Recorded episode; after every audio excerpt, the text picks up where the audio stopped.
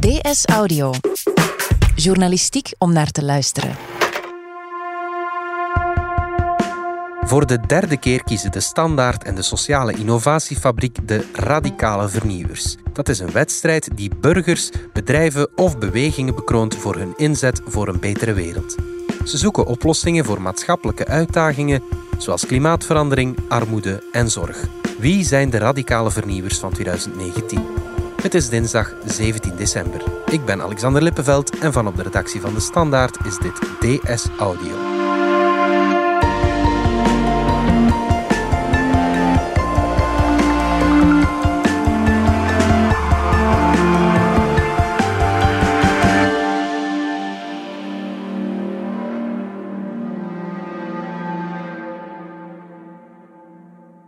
Lieven Sioen, adjunct hoofdredacteur van De Standaard en oud-radiopresentator Jan Houtekiet, allebei ook juryleden van de Radicale Vernieuwers.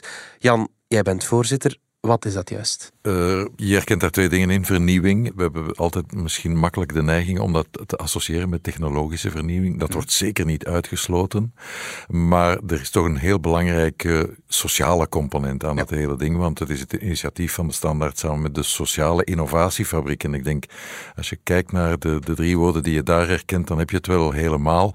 Het moet een sociale impact hebben. De, de diensten of organisaties of projecten of producten die aangeboden worden. Ja. Het moet zijn en het, de fabriek wijst erop, het moet iets concreets zijn. Ja. Met een idee alleen kom je er niet. Concreet en radicaal. En radicaal, tenminste uh, inspirerend zijn in die zin dat je dingen wat radicaler, ik wil daar een kleine nuance, wat radicaler op een nieuwe manier uh, bekijkt. Dus het moet vernieuwend zijn en het moet toch een nieuwe blik brengen. Ja, oké. En voor de duidelijkheid, het is een, een wedstrijd die uh, mensen, initiatieven, bedrijven bekroont. Lieven, de standaard organiseert dat mee. Waarom? Ja, uh, de, in 2015 is uh, voor het eerst de vraag gesteld om samen met de Sociale Innovatiefabriek op zoek te gaan naar radicale vernieuwers. Nu, wij doen dat sporadisch met uh, andere organisaties, laten we zeggen, een maatschappelijk project ondersteunen. Onze eerste missie is natuurlijk journalistiek. -hmm. we hebben binnen die journalistiek ook wel een aantal thema's die bijzondere aandacht krijgen. neem nu inclusie of klimaat. Ja. En nu en dan gaan wij ook wel een, een, een maatschappelijk project ondersteunen. Neem te gek dat al jaren pleit voor inclusie van mensen met een uh, psychische probleem of voor het bespreekbaar maken van uh, psychische problemen.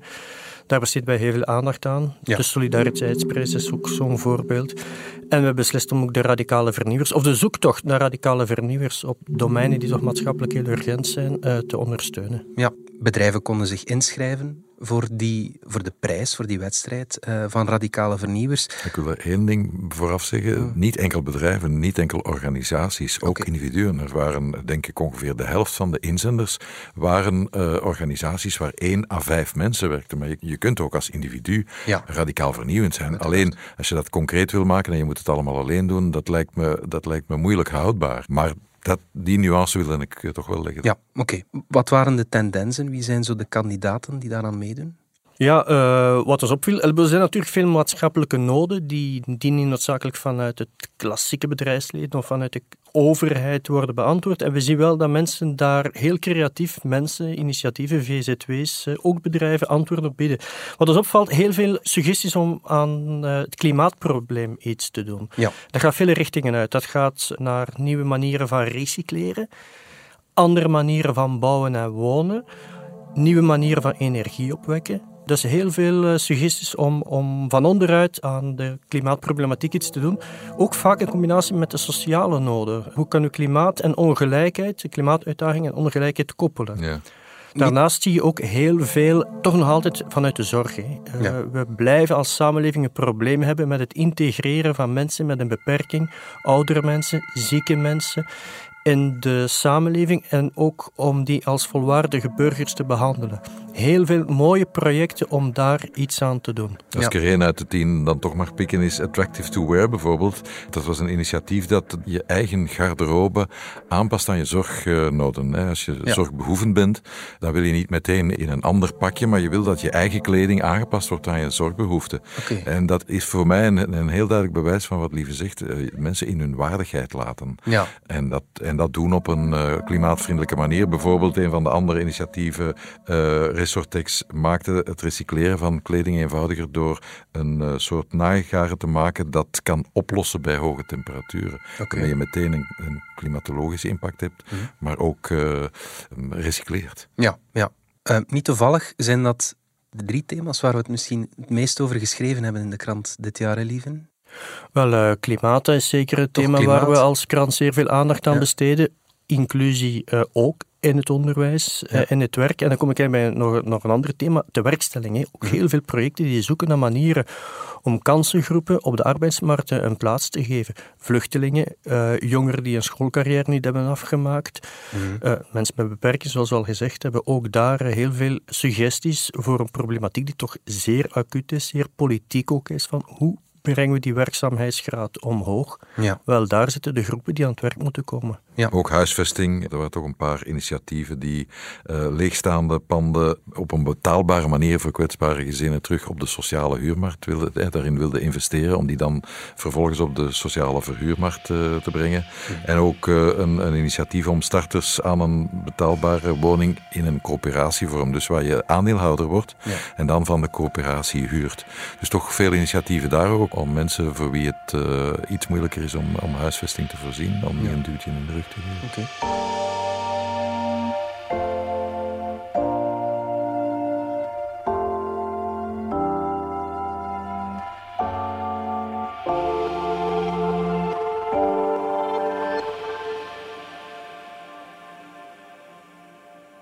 Veel vernieuwing, maar er zijn een aantal winnaars uitgekomen. Wie zijn dat?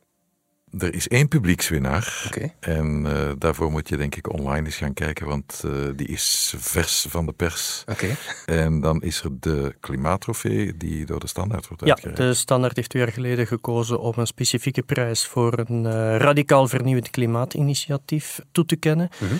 En we hebben dan binnen de jury beslist om die prijs en erkenning aan het project Papillon toe te kennen. Oké, okay. Papillon.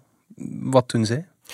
Papillon is een heel interessant initiatief omdat het eigenlijk twee zaken combineert. Uh, armoedebestrijding en uh, energieefficiëntie. -hmm. En het bijzondere aan dat Papillon-project is dat het uh, het initiatief is van Samenlevingsopbouw West-Vlaanderen samen met een producent. Ik ben Stefan Hoemare, ik werk bij Samenlevingsopbouw West-Vlaanderen en ik ben bedenker en coördinator van het project Papillon.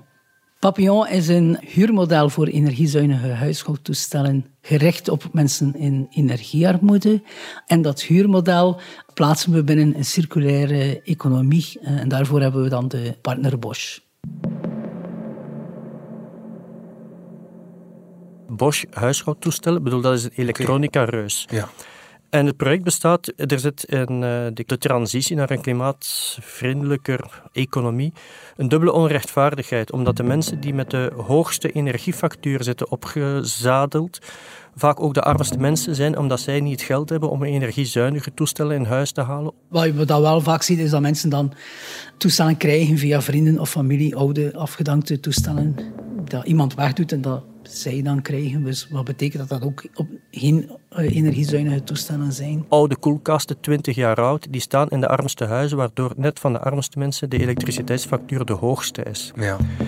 En Bosch steunt een initiatief waarbij aan mensen met financiële noden recente nieuwe energiezuinige toestellen worden verhuurd. Mhm. Aan een maandtarief, aan een heel beperkt maandtarief, dat draagbaar is voor uh, de mensen in kwestie. Het duurste is denk ik op dit moment 7,72 euro.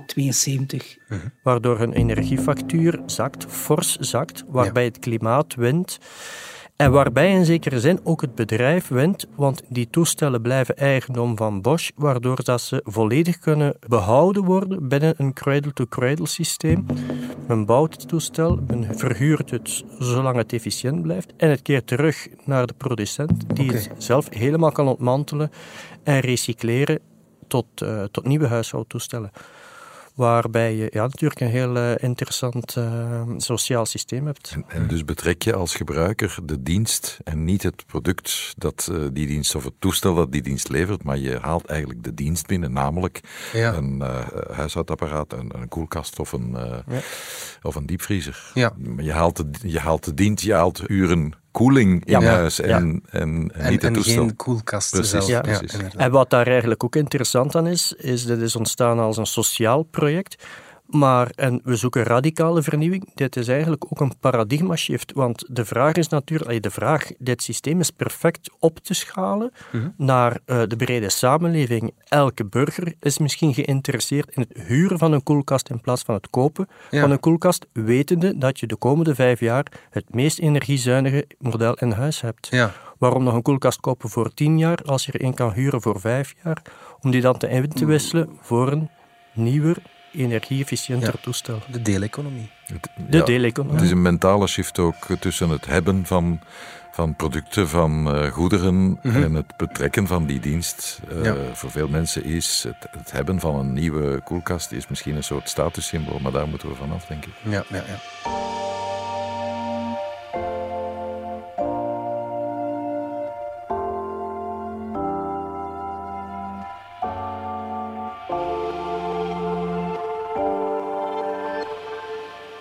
Dus Papillon is de winnaar in de categorie klimaat. Eh, maar er is nog een winnaar. De winnaar van de jurywinnaar, die de juryprijs eh, heeft gekregen. En het waren, ja, ik weet het, het is cliché, het waren tien heel waardige kandidaten, eh, laureaten. Toch uit meer dan 200 inzendingen. En Maar uiteindelijk hebben we gekozen voor een project dat toch een technologisch kantje heeft. Maar een technologisch kantje dat, ehm, laten we zeggen, het, het werk en een heel bijzonder werk eh, wat aangenamer maakt. Het project heet Lichtwerk. Ik ben eh Filip van Este, ik ben gedelegeerd bestuurder van Lichtwerk. En het doet letterlijk wat het zegt Mhm. op twee manieren. Het maakt werk licht en het werkt ook met licht. Hoe moet je dat voorstellen? Stel je een werkplek voor. Boven die werkplek hangt een beamer, hangt een camera en aan de werkplek zijn allerlei sensoren gekoppeld. De opdracht die moet uitgevoerd worden, die zal eigenlijk stap voor stap begeleid worden door de beamer, die ofwel tekst ofwel video tekeningen gaat projecteren op de juiste plek op de werkplek. Het is een initiatief van eh, een aantal partners, maatwerkbedrijf Mariasteen, Emino, Groep Gids en Molendries. En het wil eigenlijk met technologie mensen op de werkplek, bijvoorbeeld in een maatwerkbedrijf, het werk eh, makkelijker maken. Dus stap per stap wordt dat hier. Kijk, voilà. Het wordt geprojecteerd. eh, Het wordt hier met lichtjes aangetoond hoe dat je het moet installeren. Eh, bijvoorbeeld het bakje hier. Dus tonen ze dat er eh, dus grotere gaten zijn en kleinere gaten. Alles wordt dus geprojecteerd hoe dat we dus juist, juist moeten positioneren. We hebben altijd de neiging te denken, maatwerkbedrijven, dat is wat we vroeger een beetje onheus beschutte werkplaatsen noemden. En ik denk dat we te vaak denken, dit is monotoon, heel simpel, bijna afstompend werk. Laten we dat naar zo'n beschutte werkplaats of een maatwerkbedrijf brengen en eh, dan zijn we daar al tenminste vanaf. Maar dit initiatief heeft nagedacht van hoe kunnen we met technologie het werk van die mensen die eh, werknemer zijn in een maatwerkbedrijf ook uitdagender, eh, complexer, diverser, eh, afwisselender maken. Ja. Binnen Maria Steen zagen we dat het werk dat binnenkwam voor onze mensen steeds complexer werd. En eh, niet altijd nog haalbaar was voor onze mensen. En dan konden we ofwel kiezen om ja, ofwel minder werk, ofwel eenvoudiger werk, ofwel konden we kiezen om technologie te ontwikkelen om te zorgen dat onze mensen het werk nog steeds goed en graag kunnen doen. Hoe past dat dan in het radicaal vernieuwen? Wel, het is een radicaal nieuwe manier om naar maatwerkbedrijven en zeker naar de werknemers daar eh, Mhm. te kijken. Hè, om, om hun, om, om niet te zeggen van oké, ze zijn aan de slag, ze zijn bezig, ze doen makkelijke en monotone taken. Nee, je wil dat werk ook zinvol maken voor die mensen en het gevoel hebben geven aan die mensen dat ze, dat ze inderdaad een, een wat complexere en rijkere eh, opdracht eh, krijgen. Dus dat vind ik toch wel radicaal nieuw. Hè, het is een soort coach die je naast je zitten hebt, maar dat wordt door lichtinstructies, door lichttechnologie gedaan. En het is vernieuwend. Eh, ik, ik ken weinig eh, van dat soort initiatieven. Want eh, als je mensen niet ondersteunt om het werk aan te kunnen, ook cognitief, ja, dan, dan vallen mensen uit de boot. Ja, wat wij met de jury ook eh, onderstreept hebben, of ons toch ook is opgevallen in dit project, dat is nu een technologie die ontwikkeld is om mensen met een beperking vaak in een maatwerkbedrijf te helpen om complexere taken uit te voeren. Ik ben Frank. Ik werk al acht jaar in Mariasteen. Vroeger was ik een zelfstandig fietsenhandelaar, had ik veel stress. Maar door een bipolaire stoornis heb ik uh, hier werk gevonden in, het maatwerkbedrijf Maria Steen en kan ik hier deeltijds werken. Vroeger had ik altijd het probleem ik, ik, ik, ik dacht altijd in, in, in de toekomst, wat als er iets, iets fout gaat met iets, hoe gaat, ik, hoe ga ik het oplossen? Ik had angst, ik, ik kweekte stress en, en nu heb ik dat niet meer. Hier word ik echt aangetoond uh, hoe dat ik het moet stap per stap doen. En dat zorgt natuurlijk voor minder stress. Is eigenlijk ontwikkeld voor een maatwerkbedrijf. Maar die beweging kan evengoed omgekeerd gemaakt worden. Dat is een technologie die ontwikkeld is voor een maatwerkbedrijf, maar even nuttig of zinvol kan zijn in een klassiek bedrijf waar mensen ook complexe taken moeten uitvoeren, die vaak ook gemonitord moeten kunnen worden of bijgestuurd moeten kunnen worden van op afstand. Mm. Wij zijn heel veel aan het communiceren rond onze technologie op beurzen uh, en zo verder om eigenlijk uh, die bedrijven te kunnen contacteren die die technologie willen implementeren op hun werkvloer. Dus ja, dat was eigenlijk wel een heel onverwachte, radicale omwisseling van uh, inspiratie, zou ik zeggen. Ja. Wat mij opvalt is dat de twee winnaars um, eigenlijk verschillende maatschappelijke problemen combineren. Uh, je hebt klimaat en sociale problematiek. Je hebt tewerkstelling en technologie. Is dat wat een radicale vernieuwer um, een winnaar maakt? Ja, uh, laten we zeggen dat we vijf criteria hadden om op te oordelen. En radicaliteit en vernieuwing waren er daarvan twee. Uh, potentieel soliditeit ook. Ja, het moest echt wel een gedragen, eh, niet zomaar een los idee, het moest wel een gedragen project zijn. En potentieel ook, uh, ja, het moet schaalbaar zijn, het moet uh, potentieel hebben.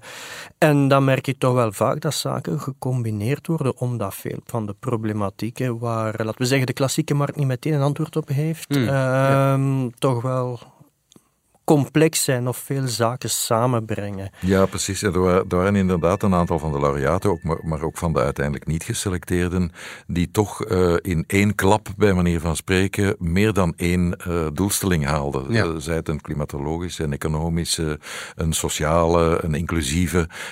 en dat vind ik toch wel een kracht. Het is geen onderscheidend element. Ze hoeven niet meer dan één uitdaging op te lossen, maar ik stel het toch met plezier vast dat uh, sommige van de projecten dat wel deden. Ja. Dus alles raakt ook een beetje aan alles. Ja. Winnen ze iets concreets of... Uh... Aandacht. Aandacht, ja. Hoeveel concreter kan het zijn dan grote exposure die uh, met name in, in deze podcast ook, maar ook in, in de krant en vele andere kanalen. Ja. natuurlijk, daar koop je niks van. Uh, maar ik denk dat dat een goed begin is om die mensen een forum te geven. En dat het ontzettend belangrijk is en hopelijk ook anderen inspireert. Want dit is de derde editie, uh, begonnen in, in 2015. Om de twee jaar uh, wordt deze wedstrijd georganiseerd. En hopelijk inspireren deze initiatieven anderen om het ook zo goed te doen. Ja, goed. Jan Houtekiet, lieve Sion, dank jullie wel. Graag gedaan. Dit was DS Audio. Wil je reageren? Dat kan via dsaudio.standaard.be. In deze aflevering hoorde je Jan Houtekiet, Lieve Sioen en mezelf, Alexander Lippenveld. Ik deed ook de redactie samen met Fien Dille. De eindredacteur is Anna Korterink. Jeremy Vittorel deed de audioproductie. Brecht Plasgaard schreef de muziek die je hoorde in deze podcast. Chef audio is Wouter van Driessen. En we vertellen met de standaard natuurlijk niet enkel in onze podcast over wat er in de wereld gebeurt. We doen dat ook in de krant en online. Benieuwd naar een abonnement? Ga dan zeker eens kijken op standaard.be-voordelig. Daar ontdek je ons aanbod en onze promoties. Vond je deze podcast interessant? Weet dan dat je er elke werkdag in kunt beluisteren. Dat kan via de DS Nieuws app of via standaard.be-audio. Je kunt je ook abonneren via iTunes, Spotify of de podcast app van je keuze. En als je daar dan toch bent, schrijf gerust een review. Zo toon je ook anderen de weg. Morgen zijn we opnieuw.